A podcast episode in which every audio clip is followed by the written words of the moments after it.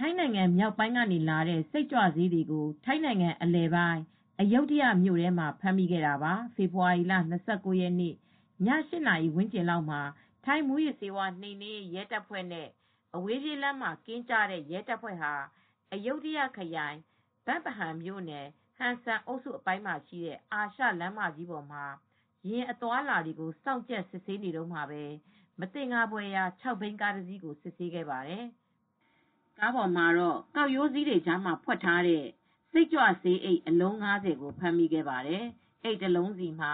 စိတ်ကြွဆေး၂ သိန်းစီကို ထည့်ထားတာကြောင့်အိတ်အလုံးရေ ၅၀ ထဲကနေ စိတ်ကြွဆေးစုစုပေါင်း ၁၀ သန်းကို ဖမ်းဆီးရမိခဲ့ပါတယ်။အသက် ၄၀ ကျော်အရွယ် ကားမောင်းသမားတဦးနဲ့ အဖော်တဦးတို့ဟာ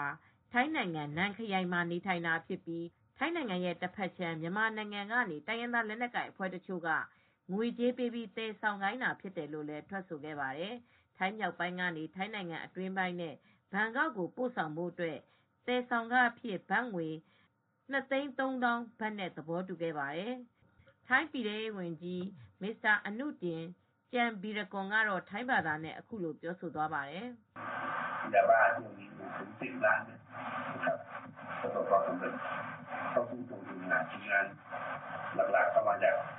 သူ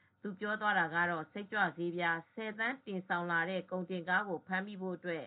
သက်ဆိုင်ရာ ရဲတပ်ဖွဲ့ဝင်တွေဟာ ကုန်တင်ကားသွားတဲ့ လမ်းတလျှောက်မှာ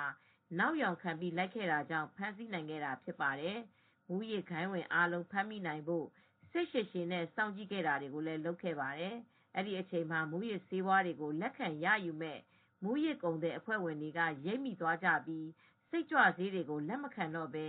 ရှောင်ပြေးသွားတာဖြစ်ပါတယ်။"ဆိုပြီးပြောဆိုသွားတာပါ။ပြီးခဲ့တဲ့ ဖေဖေါ်ဝါရီလ ၂၇ ရက်နေ့တုန်းကလည်း ထိုင်းနိုင်ငံမြောက်ပိုင်း ချင်းမိုင်ခရိုင်မှာ မြန်မာနယ်စပ်ဘက်ကနေလာတဲ့ စိတ်ကြွဆေးစုစုပေါင်း ၈ သန်းကျော် ဖမ်းဆီးရမိခဲ့တယ်လို့ မဲဆိုင်အာဏာပိုင်တွေက ပြောပါတယ်။စစ်ဆေးချက်အရ သီးနှံတွေကြားထဲမှာ ရေညှိစိမ်းရောင်အိတ်ပေါင်း ၄၆ အိတ်ကို သိုဝှက်သယ်ဆောင်လာပြီး အထဲမှာ စိတ်ကြွဆေးတွေကို ရှာဖွေတွေ့ရှိခဲ့တယ်လို့ မူးယစ်နှိမ်နင်းရေး ရဲတပ်ဖွဲ့က သတင်းထောက်တွေကို ပြောကြားခဲ့ပါတယ်ရှင်။